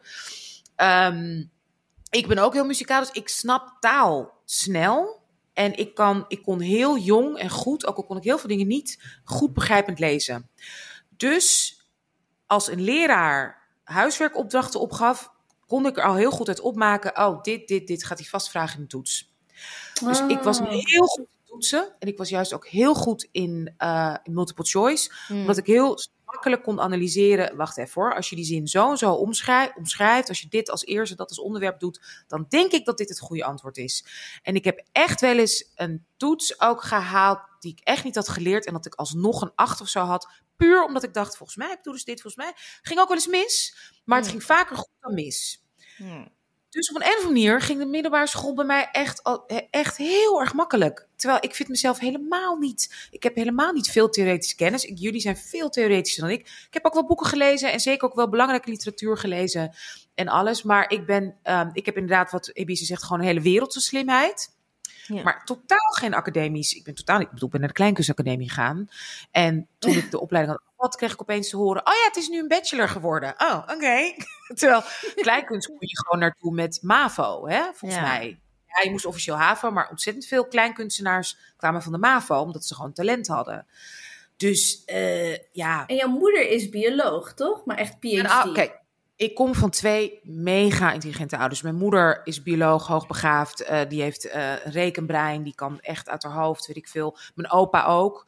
Um, en mijn vader was ook muzikaal, dus, dus die kon en die was echt een beta, gewoon qua intelligentie en dingen snappen, maar ook heel taalgevoelig. Dus ik, ik was echt een beetje de, de mislukkeling in de familie, want allebei mijn halfbroers waren twee gigantische beta's en ook allebei heel goed in sport. Um, en ik was een beetje, oh, wat moeten we nou met haar? Maar ik, mijn vader vond, ja, mijn vader vond het heel erg teleurstellend dat ik niet ging studeren. Dus mijn vader was, zat echt, die zat echt, echt zo nee te schudden. Mijn ouders ook, dat ik het lijden niet afmaakte. Dus like, want schande, want ik ging natuurlijk studeren. Mijn kind gaat naar de universiteit. Dat is like de model migrant uh, huis. Mm waarin ik... Mijn moeder eh, niet hoor. Mijn moeder wilde dat, ik, dat ik filmster, dat ik ster werd. Dus die had het oh, helemaal niet. Maar mijn vader wel. Nee, mijn moeder... Ja. mijn moeder heeft PhD. Mijn vader heeft geen PhD, maar die was wel natuurlijk gewoon een chirurg. Hè? Dus die heeft wel... En ook... Um, dus die is, uh, heeft gynaecologie gedaan. Tegelijkertijd met tropische medicijnen in Engeland. Dus die was ook... Weet je, ja... Ook een hele goede arts. Dus um, mijn vader vond het erg, mijn moeder niet. Mijn moeder vond het altijd onzin ook. Studie en wetenschap. En ja, die zag ook heel erg de andere kant. Die zag ook de politiek in Nederland. Want die kwam dus in de jaren zeventig in Nederland uh, als, hij, als, met haar PhD. En die was hier opeens die vrouw met het accent die iedereen uitlachte. Precies, dan ben je gewoon niet... Exactly, it doesn't mean anything. That's the thing. Dat is dus zij vond het bullshit. Wel, uh... ja, ja, absoluut dat. Terwijl mijn moeder heeft gigantische theoretische kennis, literaire kennis, culturele kennis, politieke kennis. Ja. Maar die werd altijd in Nederland uitgelachen, ook door studenten. Als ze dan ja. practicum gaf of als ze, als ze college gaf, dan lachten ze alleen maar over oh, dat ze de G niet kon uitspreken. Ja. En wat ik, what, what I discovered uh, after uh, when I started working was like when I was, uh, toen ik met mensen in aanraking kwam. Kijk, ik heb heel veel in Ethiopië christelijk opgevoed. En ik heb gewoon de Bijbel gelezen. Helemaal. En uh, het hele westerse... God gaat je hiervoor belonen uh, no, the whole cultural, um, how do you say it, bedding van, van, van Nederland, westerse cultuur, is niet alleen maar uh, de, de, mythe, de Griekse en Latijnse mythologie, ja, juist maar ook gewoon de Bijbel. Ja. Heel veel dingen gewoon hoor, based on the ja. Bible. Like uh, the Jezebel staat gewoon lekker, letterlijk in de Bijbel. Er zijn heel veel verwijzingen en phrases die mensen gebruiken die letterlijk te maken hebben. En ik weet gewoon, we zaten op een boot van een vriend van mij. Zijn allemaal van die echt zeven vinkjes people. En ik zat daar als de only black woman. Nou, ik snap steeds niet wat ik daar... Ik heb heerlijk gehad hoor, maar... Uh, op een gegeven moment waren ze zo'n beetje allemaal een beetje interessant aan het doen. Want ze hebben, ze hebben, wat heb je gedaan? Wat ga je doen? Ik ga even naar de opera. en, en toen zei iemand van, ja, en ik ben... I think they were like social climbers zelf. En toen like, ja, en we gingen naar Salome. En het was echt waanzinnig. En we like, oh, Salome, like with the, the, the Dance of the Seven Veils. Hoe weet je dat nou? Nou ja. Echt zo. Huh? Ken je het dan? I'm like, nee, kijk niet, ik, ik, doe niet, ik doe niet mee aan opera. Ik, ik, ik versta het toch niet, dus ik ga er niet. Hoe weet je dan? Like, het is gewoon een Bijbels verhaal. Is gewoon onze christelijke uh, normen, maar hebben jullie dat niet? Nee. Oh, oh nee, dat wisten we niet. Oh nee, wat? Dat was, dat was dus vrij vroeg al. dacht ik van, oké, dit is het niveau hier. Ja, nee, maar dat had ik ook. Heel omdat ik heel veel boeken las. Gewoon als, uh, ik was gewoon heel erg nieuwsgierig. Dus ik las allemaal National Geographic, ja. allemaal boeken. Dus ik ken heel veel van Griekse, Romeinse mythologie en dat soort verhalen. En ja. Troje en, en Odysseus en al die verhalen. Maar ook, ook erbij zo van hè, wat er allemaal in Noord-Afrika en de Roman Empire en Andalusië en dat soort dingen. Daar heb je niks aan. Nee, ze zeggen Helemaal van wel. Dus, niks aan ja, het gymnasium is nog steeds een heel hoog goed. Maar cultureel is het is nou niet in onze Nederlandse cultuur dat je nou dat, dat je je zeg maar kan uh, beroepen op, uh, op een Griekse filosofie en dat je dan uh, wordt begrepen of zo. Of dat je daarmee wegkomt. Ja. Dat vind ik niet hoor. Het is echt en dit super gebeurt, christelijk hier. Ja, en, en dan kan je nagaan, dit gebeurt allemaal wanneer de wachtlijsten zijn bij de GGZ. Wanneer. Mm kinderen uit huis geplaatst worden en niet weten waar ze zijn. Wanneer we gewoon geen goede hulp geven aan mensen die het nodig hebben. En we hebben een tekort aan GGZ-psychologen. En dan wordt er gezegd, ja maar zoveel... Dus psychologie is zo'n populaire studie. Hmm. Maar wat er dus uitkomt, dus wie het overleeft... Mm Blijkbaar eindigen die niet, um, weet je, bij de juiste banen. Nee. Dus dan heb je ook nog een discrepantie tussen wat, wat, wat leer je. Want ik had dat ook van hè, wat ik in HBO, wat ik tijdens mijn studie heb geleerd, dat ik dacht van ik heb dat allemaal bijna niet. Gebruik ja een beetje gespreksvoering, dat soort dingen. Maar ik moest juist weten hoe een WMO werkte. Ik moest weten wat een persoonsgebonden budget is. En waar heeft iemand recht op en wanneer niet. En waar kan je aankloppen met iemand met een depressie. En iemand met uh, complex trauma. Waar moeten die naartoe? Ik weet niet, soms... Ik, wat ik zo lastig hier aan vind is... I don't wanna... Ik heb het ook met heel veel met jullie over gehad. I don't wanna sound like a broken record. Want ik wil best wel... Ik ga echt... Ik, het is niet dat ik zeg van, oh, niet meer mensen opleiden, geef ze een diploma en gooi ze in de markt. En dat that's not what I'm saying. But I'm saying dat je heel veel mensen, voornamelijk mensen van kleur en zwarte mensen, weerhoudt van Precies. bepaalde um, opleiding en baan door hele onrealistische eisen aan ze te stellen. Ja. Onrealistisch in de zin van, hè, want, er zou, dan kan je ook als tegenargument, ja, maar er zijn toch ook mensen die het wel halen. I don't know what happens to them after the pre-master. Want als we het hebben over je mentale gezondheid en studeren. Ja, ik heb echt, ik heb dit heel vaak verteld. Ik heb een meisje en dat vond, ik kreeg daar kippenvel nu nog steeds van. Een, een meisje, volgens mij was ze Turks Koerdi. Ja, het was Koerdisch, Turks Koerdisch, heeft ze tegen mij verteld. Die wilde heel graag iets doen met, met traumatherapie en EMDR. En die, wil, en die heeft tijdens een toets, en dat was ergens in januari of februari zoiets, was ze bezig met de toets en dat doen we op computers. Heeft ze echt heel, hoe zeg je dat, stoïcijns bijna? Ja. De laptop dicht gedaan, keek mij aan, zwaaide en ik heb, ik heb haar nooit meer gezien. Nou, I don't know if I'm dramatic, but to me was exemplarisch van, zeg maar, en waar zij over struikelde was ook weer statistiek. And I'm not saying that we shouldn't do statistiek. That's not what I'm saying. Nee, Nou, we kunnen maatwerk doen. je We kunnen dus niet echt alleen dat, maar maatwerk ook doen. wat ik, wat ik ook nog echt, wat ik ook dus wel gezien heb, dus in mijn kringen, eh, van, van eh, in de AUP-kringen, is dat die hoogopgeleide parents, die dan de scripties en de toetsen en de essays van hun kinderen schrijven. Ja. Niet ernaast zitten en helpen. No, they do the work for their children. So, en, en ook, je Ja. ook, je hebt ook al die eh, studiemeesters en al die eh, dingen die je kan doen om bij te scholen. People pay to get their, Ja, their, joh, their, their masterscripties alles. heen, weet je wel? Absoluut. En, en, ik, en, ik, ik, Oh, heb je je mic- te zeggen? Oh nee, nee, sorry. Ik dacht, ik, ik, Oh, ik wil niet door je heen praten. Sorry. Oh, oké. Oh. Dus ik vind, ik, dus ik, ik vind dat, eh, en ik, eh, hey, ik kom gewoon met de billen bloot. Heb ik ook tegen jou gezegd van, waarom doe je het allemaal zelf? Ja. Just pay But I don't have someone, money! will pitch Ik ben in. bij mijn en- ouders! I don't en- have the money. Ik wil bij mijn ouders weer. Will pitch in and, and, and do what white Ja. people do because they, they fake it till they make it. Kijk, wat ik wel heb je? ontdekt is... Mijn, mijn, eh, eh, mijn stan ging mij helpen. En ik vond het al een beetje zo van... Hij vroeg me op een gegeven moment... Waarom laat je me je niet helpen? En dat ik dacht van... Ja, ik moet het toch gewoon zelf kunnen. En toen zei hij... Ja, maar iedereen doet dit. Yeah, that's what I'm saying. And that's how white people get away with this shit. Ja. En, en, en dat, dat element wordt ook gewoon niet meegenomen. They let other people write their uh, stuff for them. Or, of ze gaan schrijven iets en iemand gaat daar een soort ghostwriter overheen en ze halen hun cijfers.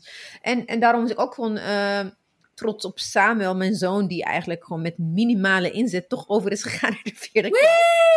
Ja, Applaus voor! Ja, samen. Met minimale inzet, terwijl zijn andere klasgenoten die heel hard hebben gewerkt. En die dan echt nu denken van, oh ja, oké, eigenlijk is Samuel gewoon slimmer. Dan denk ik, ja, hij Ja, is smarter. precies. Hij snapt het. Ja, en zo was ik ook. Ik bedoel, de vakken die ik interessant en leuk vond, daar haalde ik allemaal goede cijfers voor. En dat vond ik interessant. En de vakken die ik gewoon, waarvan ik dacht van, ja, A, ik ga hier later niks meer doen. B, de manier waarop dit wordt gegeven is Ja. mega. Daar Ja. heb ik helemaal niks aan. Het enige wat ze doen is testen of ik inderdaad wel snap dat in, in dat jaartal, ja, fuck you. Ja, dan haalde ik gewoon inderdaad zesjes. Ik bedoel, daar ging ik toch niet veel moeite in stoppen. Dus inderdaad, op het middelbaar, op, op, het, op, de, op MLA, weet je, stopte ik heel veel tijd en energie in filosofie en in geschiedenis. Omdat zeker in de bovenbouw mocht je zelf dingen kiezen, je eigen scripties. Oh Taal werd, we hadden ook geen boekenlijst. Je mocht zelf boeken kiezen. Dat was ook geweldig. Dus je kon Afrikaanse literatuur lezen voor Frans. En inderdaad, uh, Waalse Jenka en, en eh, Afrika, West-Afrikaanse literatuur voor Engels. Terwijl als, je, als ik op de Casimir had gezeten, had ik gewoon een of andere boring boekenlijst gekregen. Waar je dus die boeken uit moet lezen. Dat je niet eens zelf mag kiezen wat je leest. Dus nee, ja, daar deed ik, zou, daarom ging ik ook van die school af. Maar ik vind, het is jouw tijd, het is, het is jouw leven. Ik ben Ja. volledig voor gaming the system. Ik zei meteen al tegen jou, ga meteen naar Brussel, ga naar Twente. Maak het jezelf zo makkelijk mogelijk. Ja, En ga zo snel mogelijk die meiden helpen, Ja. als psycholoog. ja. En ik denk dat als ik niet, eh, als ik niet zo een beetje een, een, een trauma had gehad van het Nederlands onderwijssysteem, Mm. zou ik met zelfverzekerdheid, zou ik dit kunnen. Maar ik ben de helft van de tijd bezig mezelf kalm te houden. Ik heb mini paniekaanvallen voor bijna elke toets. Dus dat, dat, Ja. dat werkt Ja. ook, zeg maar, dat ik... Daarom ben ik zo blij om te horen over, over Samuel. Weet je, van ja, fuck it. Gewoon Fuck met it, het minimale. En I wish... Maar ik, bij mij zit het er zo diep in. En ik denk Ja, zo, zoiets als... Het is te theoretisch, is wat ik mijn hele leven al heb Dat gehoord. is- En dan, En weet je Marjan, dat heb ik ook heel vaak tegen jullie gezegd. En dat, dat ga ik ook in mijn boek. hè. Ik ben nu bezig met aan het afronden Hallo Witte Scholen. Voor mij had, was het precies andersom. Is dat juist ik op mijn twaalfde, toen ik... Ik ben altijd onderschat en ik deed daar aan mee. Ik geloofde dat ook niet. Ik dacht, ik kan helemaal niks. En ik ben niet slim. En vergeleken met mijn ouders en mijn twee halfbroers was ik ook inderdaad echt gewoon dromerig en een sukkel. En alleen maar bezig met poppen en met, weet je, fantasie in mijn hoofd. Maar toen ik op de basisschool gewoon, toen was het nog vier dagen, CITO mocht doen. Ook ik geloof drie of vier, het was echt lang. In mijn eentje. Niemand bemoeide zich met mij. Gewoon die vraagjes mocht invullen. Haalde ik gewoon een belachelijk hoog cijfer. Echt iets van 8, 97 volgens mij. En ik dacht, toen de docent het zei, dacht ik dat hij zei 79. En toen was ik al heel Mm. blij. En toen kreeg ik een papiertje en toen stond er dus 97, andersom. Dus dat betekende in die tijd met percentages dat maar 3% het beter had gedaan dan ik Ja. in mijn gebied in Amstelveen.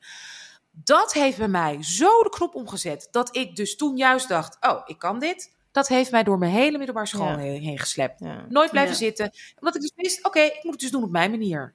En iedereen moet gewoon verder zijn bek houden. Dat, terwijl dat, dat, stel je voor dat ik het niet, hè? Ik Ja. ging daar echt zitten met: ik kan niks. Ik, dit, ik hoop dat ik een Ja. 50 haal. Want dan kan ik naar, misschien naar de MAVO, Ja. dan kan ik misschien nog naar de kleinkunst. Ja. Zo ging ik daar zitten. Ja. Dus kan je nagaan hoe jong dat dus in Ja. Nederland nog steeds. Want nog steeds Mhm. heb je allemaal toetsen, leerlingenvolgsysteem, weet ik veel. Ja. En ik weet ook van mijn kinderen, die, die waren letterlijk in groep 4 al bezig met, "Oh, kan ik wel, maar wat Ja. als ik niet dit Ja. haal en niet naar, Ja. weet je, HAVO, VWO advies krijg. En, en die dans ben ik ontsprongen, schandalig. daarom heb ik dat niet. Daarom, Ja, daarom, that's ja. why I don't have that, die onzekerheid, omdat ik heb, ik, ik heb juist die dans ontsprongen en ik kom naar Hele- Nederland en na anderhalf jaar kon ik alweer gelijk vier VWO doen Ja. in een school Ja, waar iedereen allochtoon was. Dat is ook Maar echt heel- wonder hoor. Maar nu bestaat dat niet meer. Weet je hoeveel Nee. kinderen ik ken die Ja. uit Suriname zijn gekomen? Of uit, weet Ja. je, die, die letterlijk 80 testen moesten doen. Ja. En dan alsnog niet. Zelfs met een, ja, ik, letterlijk een verhaal van een meisje die had een hele goede test gedaan. En dan nog waren ze, ja, maar weet je, cultureel gezien. Precies, En ja, toch met haar taal. Mocht Misschien ze wordt niet het te naar 4 moeilijk, te theoretisch. Nee, echt. Wat dat betreft is echt. Berlage gewoon een blessing. Want ik was niet de enige namelijk die dat deed. Ik was niet de enige die binnen twee jaar de taal leerde in een 4VW. Dus ik Ja. zat in een klas met allemaal people like me. Dus het was gewoon de norm. Dat, dat, dat was onze norm, was niet dat racist Dutch norm. Ja. En dat heeft mij geholpen in die onzekerheid. Ik was aan het puberen, ik kom naar Nederland, ik kende niemand. Ik heb mijn vader voor het eerst ontmoet. Going through, that, through the motions had ik dat. Die onderdrukking had ik niet. Dat, dat kreeg ik pas toen ik naar Leiden ging. Ik dacht van, Ja. who are these people? Minerva? No. Nee. Maar Oh, om God. daar dus terug te komen, Marjan, dat dat dus zo jong bij jou Ja. daarin is gemapt, gewoon met geweld. Ja. Dat is, daar moet je, dat is een dagtaak en dat, daar moet je Ja. nu gewoon heel erg emotioneel aan werken. Om dat Ja. Mm. los te laten. Want Ja. dat is het. En dat zie ik bij zoveel kinderen. Dat zie ik nog steeds ook bij, toen ik in Nederland was bij vriendjes en vriendinnetjes van mijn kinderen die in Nederland nu op school zitten. Dat dat zo je bepaalt. Ik denk, ik vind het schandalig. En dat is al op je twaalfde gebeurd. Nou, Kijk, ik dacht op een gegeven moment, ik denk dat dat ergens in, in november was, december, dit gaat me niet lukken. Ik ga nooit snappen van de statistiek. En eindstand is, ik snap het wel, maar ik kan, ik, ik, Toetsen. ik, ik, ga, ik raak in paniek door toetsen. En dat is dus, maar ik ben dus ja. nu best wel trots op wat ik allemaal kan met statistiek bijvoorbeeld. Dat ik echt denk, ik dacht, had echt niet verwacht dat, ik dat, dat me dat zou gaan lukken, weet je. En het, de, ik, ik ben een klassieke faalangstpersoon Ja, when, it, when ja. it comes to this. Is omdat ik voor hele moeilijke toetsen, eh, eh, ik heb voor psychometrie een 7. Ja. De moeilijkste statistiekvak. En dan de makkelijkste kom ik niet hoger dan een 5.1. En dan, en dan met een herkansing. Want die herkansingen zijn nu alles of niets. Ik maak ze slechter. Herkansingen ben ik gewoon... Nee, maar Dan is gewoon stress. niet meer. Dat Dan is ben gewoon, ik helemaal Ja, het is gewoon stress. Zo, Het is niet ja, dat het is gewoon letterlijk, eh, ja, geen bijbelsverhaal. Nou, we zitten echt daar met, met een paar andere medestudenten. Dan zitten we zo een beetje naar elkaar te kijken. En dan zijn we gewoon bijna aan het trillen. En ik zei laatst echt tegen, dat mij zijn meiden van 25, wat jonger, zei dit is echt niet oké. Het is echt niet Nee. oké dat wij nu gewoon op het punt staan gewoon in onze broek te plassen. Nee.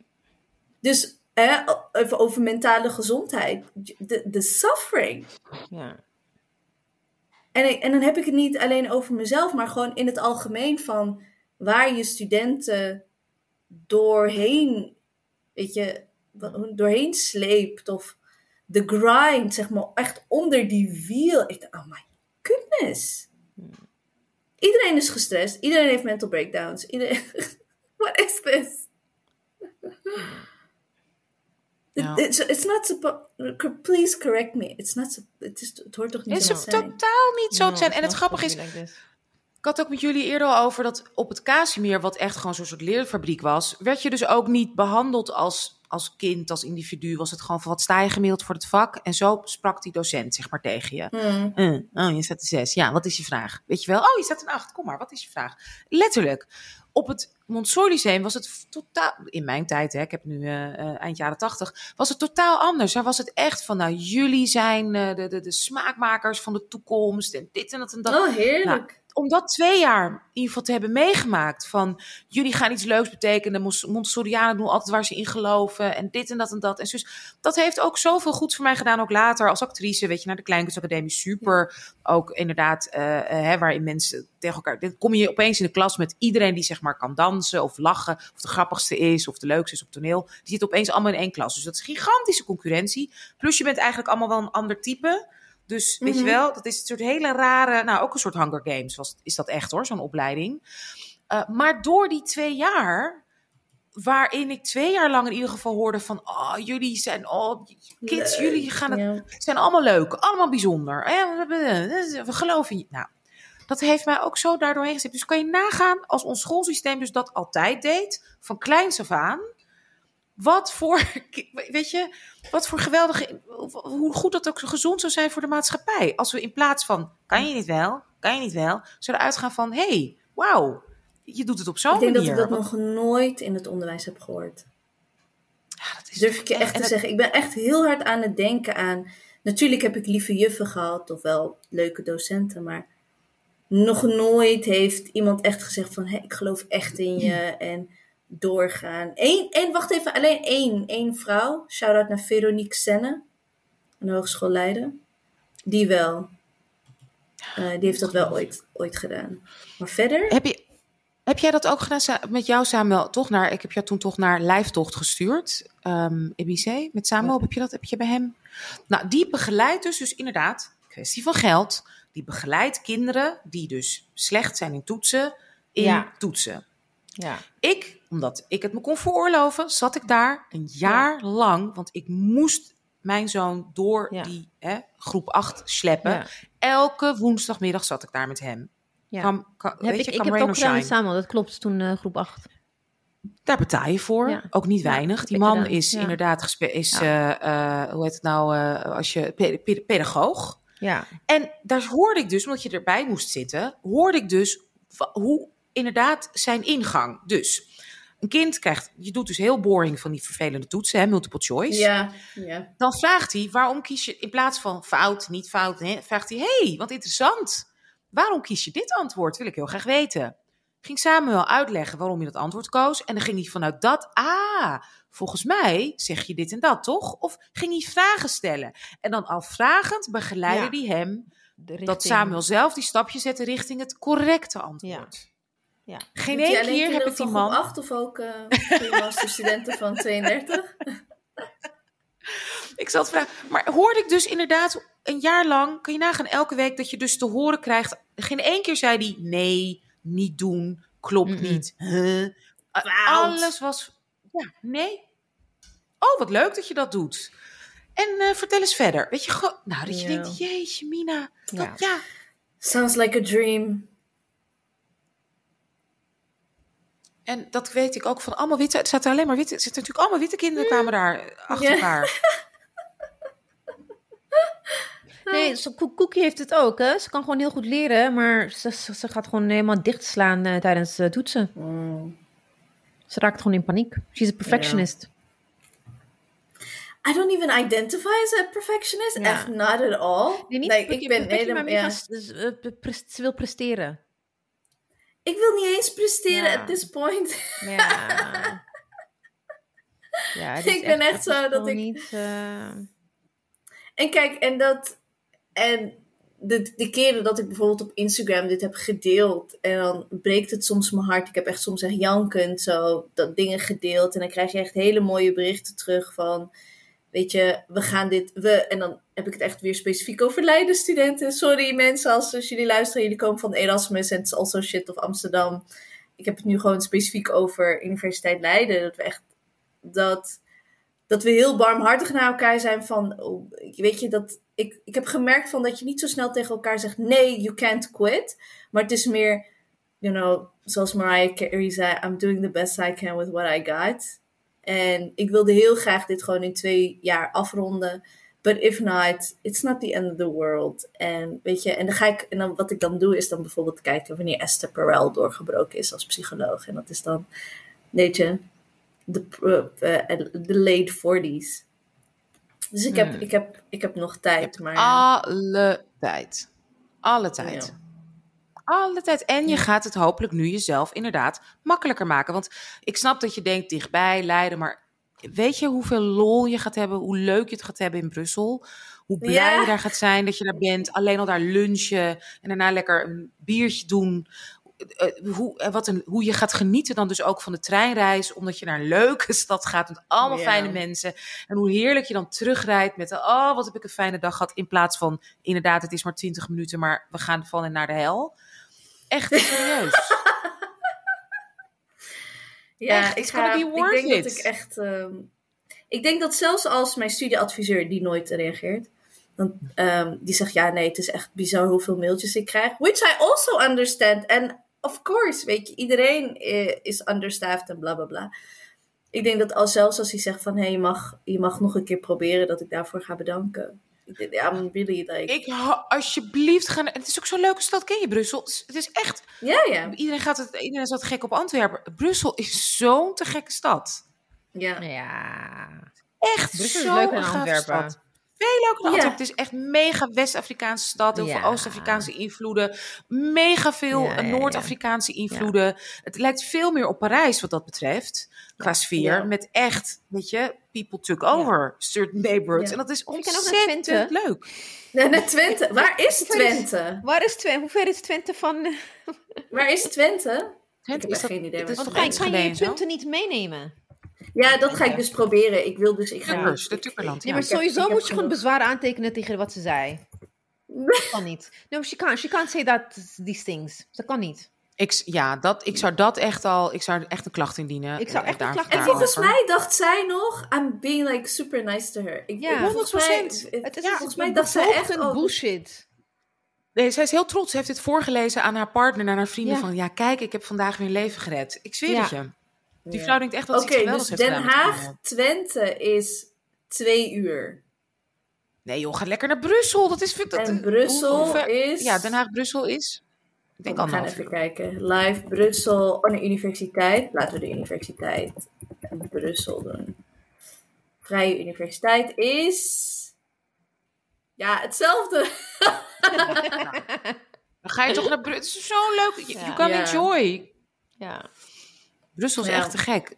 I think, I think the Leiden suffer journey is over. En ik moet mezelf eerst nog even vertellen that I didn't give up and I didn't fail. En dan... Nee, maar je moet, ik vind wel dat je eerst gewoon even die bezwaar moet aan. Je moet, don't give up. Ja. Oh ja, no, no, I'm not gonna give gewoon- up. gewoon- ik bedoel, die vrouw, ik heb, Ja, ik dat heb er al gemaild van, kunnen om hierover half- het, praten? gaat, het gaat om een half, half punt, zei je toch?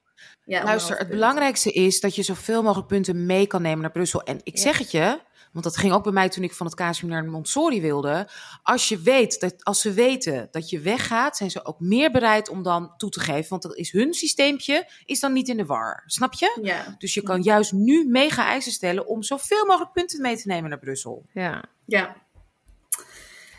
Oh Game, God. we hebben echt gewoon, echt gewoon eh, zeggen, ik ga ook tegen haar zeggen van dit, dit, dit en dat en dat en dat. Dit is wat ik vind. Ik ga een formeel, ook van tevoren Ja. zeggen dat je een formeel klacht gaat indienen, want dit, dit gaat, dit druist tegen alle. Ja. Ehm, moest je gewoon zeggen. En zeg je, ik heb 8000 Twitter-volgeraars hoor. Nee, nee, Absoluut, nee. dat moet je- ja, ook, ja, wel. Ja, natuurlijk moet je dat doen. Over, dat je ook gewoon zegt, like, alles over onder advisering en de doorwerking ervan. En dan moet ik het ook vanuit jouw mond horen dat ik niet goed genoeg ben? Nee. Exact. Ja. Op deze En manier ook, volgde je hebt ook gezegd dat jij, je, je hebt toch, misschien, cut this one out, because it's preemptively, who knows, maybe she's listening. Ehm, dat ze is tegenstrijdig. Dat moet je echt gewoon tegen haar gebruiken. Dat is een afschrikmiddel. Maar ik denk ook dat dit, dit, dit ook een les is voor studenten om assertief daarin te zijn. Ja. Van eh, alleen maar omdat een docent of een professor het zegt, ja, en dan? Nee, maar als, omdat ze tegenstrijdig is geweest, moet je dat, dat is een pressiemiddel. Dat is zeker een pressiemiddel, maar dit klopt niet. Je hebt toen dat gezegd en daarna zeg je dit. Je spreekt jezelf tegen. Ik ga formeel klacht ook daarover. En over je, over je uitspraak ga ik formeel klacht indienen. Ja. Dat moet je echt doen. Ja, Ja. En ik snap ook wel wa- wa- waarom studenten dat heel lastig vinden. Want je hebt je handen vol en je bent mentaal Ja, al zo bezig en zo druk. Dat ik het ook wel But- snap. but en this, ik, this, is, this is also a collective thing, Mariam. You're not going to do this on your own. Nou, maar wat, wat ik probeer te zeggen is, dit is ook een reden omdat het zo, de, de workload is zo hoog en het, de, de druk is zo hoog dat studenten ook niet meer demonstreren, protesteren. Want ik kan me echt nog herinneren toen de, toen, de, toen de leenbeurs verdween, of verdween, nou, die werd gewoon afgeschaft en mensen moesten gaan lenen. Hoe moeilijk het is om studenten eigenlijk te mobiliseren, omdat ze al helemaal crushed zijn eigenlijk onder het gewicht van studeren. Dus ik heb ook dat, ik heb ook dat idee. Ik, ik werk, de dipsaus en dan moet ik nog een heel proces gaan starten doen. met de Universiteit Natuurlijk. Leiden. Maar ik ga het wel gewoon doen, because het is Ja. of dit of een, een jaar lang vertraging. Nee, maar En weet je nog... het hoeft ook niet ik- lang, hè? Je kan Nee. korte, Ja. bondige Ja, En- schrijven, En mailtjes. eh, denk ook aan hoe, hoe is Dipsaus ontstaan. Because we bonded together. Als wij... Ik had niet in mijn eentje die gevechten aangegaan Ja. met NRC. Jij ook niet in je eentje, Mariam. Jij ook niet in je eentje, eh Anousha. The fact that we do it together. And that's how they win always. Because ze weten gewoon... Ze gaan het niet redden. Ze gaan niet de moeite nemen. Eh, ze vallen af. Daar rekenen ze op door allemaal ingewikkelde, moeilijke taal te gebruiken. Maar hey, weet je, you're, you're not alone. Ja, maar elke student, dus het is heel moeilijk om medestudenten te vinden. Because I know them. En, ik weet ook dat sommigen ook in mijn situatie zitten. En iedereen is heel erg zo van, I'm, I'm just gonna protect myself. En iedereen is heel erg bezig. Echt, ja. het, het, het is neoliberaal. Het is Ja. echt Nee, neoliberaal in alle facetten. Nee, maar ik bedoel meer van die, dat gevecht wat je met, Leiden aan hoef je niet in je doen. Ik ben er, Anousha is er. Je hebt een, een, Oh, een- je hebt, je hebt een hele leger aan mensen die heel goed eh, ingewikkelde taal eh, ook kunnen bezigen. En we gaan gewoon dreigen. Gewoon lekker professioneel ma- mailtjes schrijven. Because this is echt no.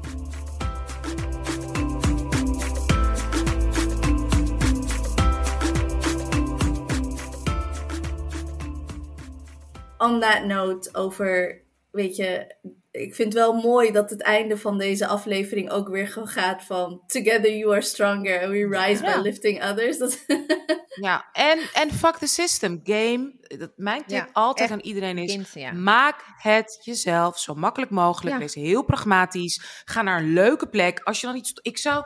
Doe, het zou niet eens in me opkomen naar Leiden te gaan. Ik zou meteen hebben gekozen voor Brussel. Omdat ik gewoon dan denk, ja, ik ga naar een leuke stad. Waar je ook eh, Frans en Afrikaanse invloed doei. Dus durf dat ook voor jezelf, Ja. weet je, altijd te beslissen. Je kan liever twee uur in de trein naar iets leuks. Dan nogmaals twintig minuten naar de hel en terug. Ja. Altijd. ja, Want heb je kwaliteit. Altijd kwaliteit boven, zeg maar, gemak. En wees pragmatisch in het gewoon game. Maak het jezelf zo makkelijk mogelijk. Jij weet wat je lange termijn doel is. zeg ik altijd tegen alle studenten, ook mensen. Weet je, ik heb het ook vaak met actrices en mensen in de kunsten besproken. Jij weet wat je lange termijn doel is. Als jouw termijndoel, lange termijn doel is. Ik ga straks een eigen theatergroep beginnen. Of ik word psycholoog en ik ga mensen helpen. Oké, dat is waar je naartoe werkt. Dus maak al die stapjes daar naartoe zo kort en simpel en makkelijk mogelijk. En dat bedoel ik niet, dan liever lang reizen, want het is daar leuk en makkelijk. Dan inderdaad, weet je wel, penny wise, pound foolish. Dus inderdaad, ik ga dichtbij, maar eh, eh, eh. nee, Ja. nee. Maar ook, En maar ook ik denk Inhuren, oh, inkopen. Ja, en ik denk ook wat een belangrijke realisatie is geweest, en ik denk dat heel veel studenten dit ook wel zullen herkennen, is dat je, eh, dat je bedenkt van, al, al dat het niet lukt, betekent niet dat er iets mis is met jou. Nee, absoluut zeker niet. Ik, ik wilde zo. Ik, het is niet dat ik per se naar Leiden wilde, maar ik dacht zo van, nou, nou, weet je, dit hoort, het moet zo. En, Ja. Maar nu ben ik daar, eh, er zit wel een switch in dat ik veel pragmatischer, echt precies wat jij zegt, eh Anousha. Want ik kan me herinneren dat jij mij vroeg van, waarom wil je eigenlijk dit doen en waarom wil je naar Leiden? En ik zo, nou, ik wil psycholoog worden. En dan, ja, is dat het enige waar je dat kan doen? Nee, maar je hebt, ik had dan gewoon zo'n idee van, dit is hoe het hoort. En dit is hoe je psycholoog dat. wordt en je moet dit doen. Ja, en zo pakken Maar ze. dat kijk, is en ik ook- snap. Ik snap, kijk, ik, ik wil niet bagatelliseren. Kijk, het kost, geld om naar Brussel heen en weer te gaan. Hè? Dus Mhm. even voor alle duidelijkheid. Ik zeg nu echt niet tegen jonge mensen. Ja, nou, eh, je moet... Maar het is wel zo dat inderdaad, we zijn niet alleen. En ik weet bijna zeker, als je dit bespreekt... Dus ik zeg het tegen mensen die misschien, weet je, niet die beurs hebben. Als je dit met anderen bespreekt, dan zijn er misschien wel manieren... waarop je het met elkaar of met een groep... of weet je, met vrienden of familie kan bekostigen. Of het makkelijk Mhm. als je het in ieder geval niet uitspreekt en met mensen bespreekt en je eigen gevoel en gedachten en je toekomst niet heel serieus neemt. En dat is precies wat kinderen van kleur vaak niet leren. Want we hebben ouders die inderdaad al Mm. moeten surviven. Jij bent, jij moet het goed maken voor die hele generatie. En ja, eh, jij moet eh, bewijzen, je bent echt zo'n sandwich. Je moet en je ouders helpen en ook aan je eigen toekomst denken. En dit en dat en dat. En die luxe van, ja maar ik en mijn ruimte en mijn ontwikkeling hebben weinig kinderen van Mm. kleur.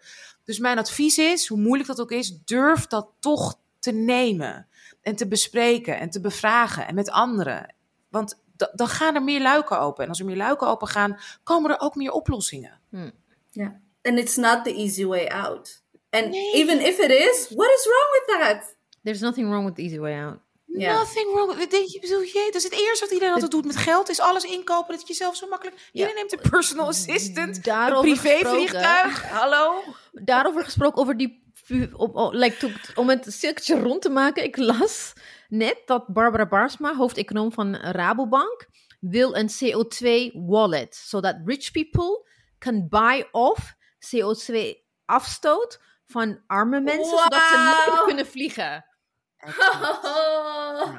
En dat deden dus vroeger rijke mensen met eh, de dienstplicht. Ja, Je, alles. je stuurde iemand anders in jouw plek. Ja, met En borstvoeding. like- Iemand anders je kind eh, la- borstvoeding laten doen. Oh, mijn kind heeft borstvoeding nodig. Maar ik ga het Of niet iemand zelf anders doen. je toets laten doen. Dat is dus haar genius idea. Is Mm. gewoon CO2. Hoe gaan we groener worden en, en, en, en het milieu verbeteren? Ja, gewoon lekker afko- af, Dus af laten kopen. Gewoon lekker, lekker katholiek weer. Terug naar. Ook weer terug bijbels. Nice. Lekker bijbels. lekker. Dus jullie gaan op OnlyFans en betalen mijn studie.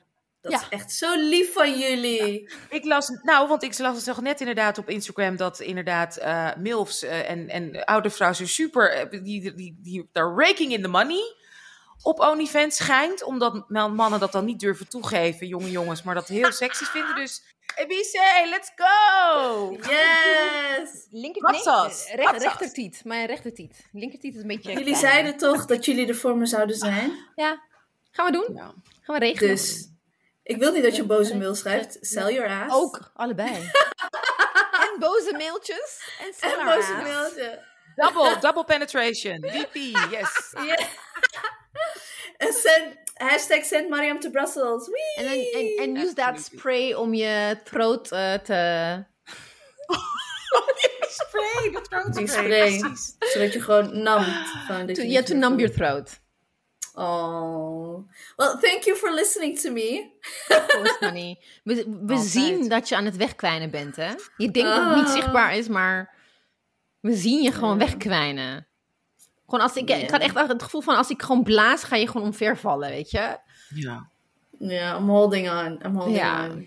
Ik ben nu een beetje afgeleid door werk ook. Dat helpt. Ja. Maar ik, ik, wanneer die assistant professor van mijn scriptie terug is, en dat is 8 augustus. ehm, ik heb bijvoorbeeld nog niet durven kijken naar de feedback, bijvoorbeeld. Dat heeft iemand anders gedaan. Dat hebben twee andere mensen gedaan. Want ik, ik I can't face it yet. Hmm. En daar ben ik me mentaal een beetje aan het voorbereiden. En dat ga ik gewoon maandag doen. En dan begint de strijd. Maar nu denk Ja. ik even...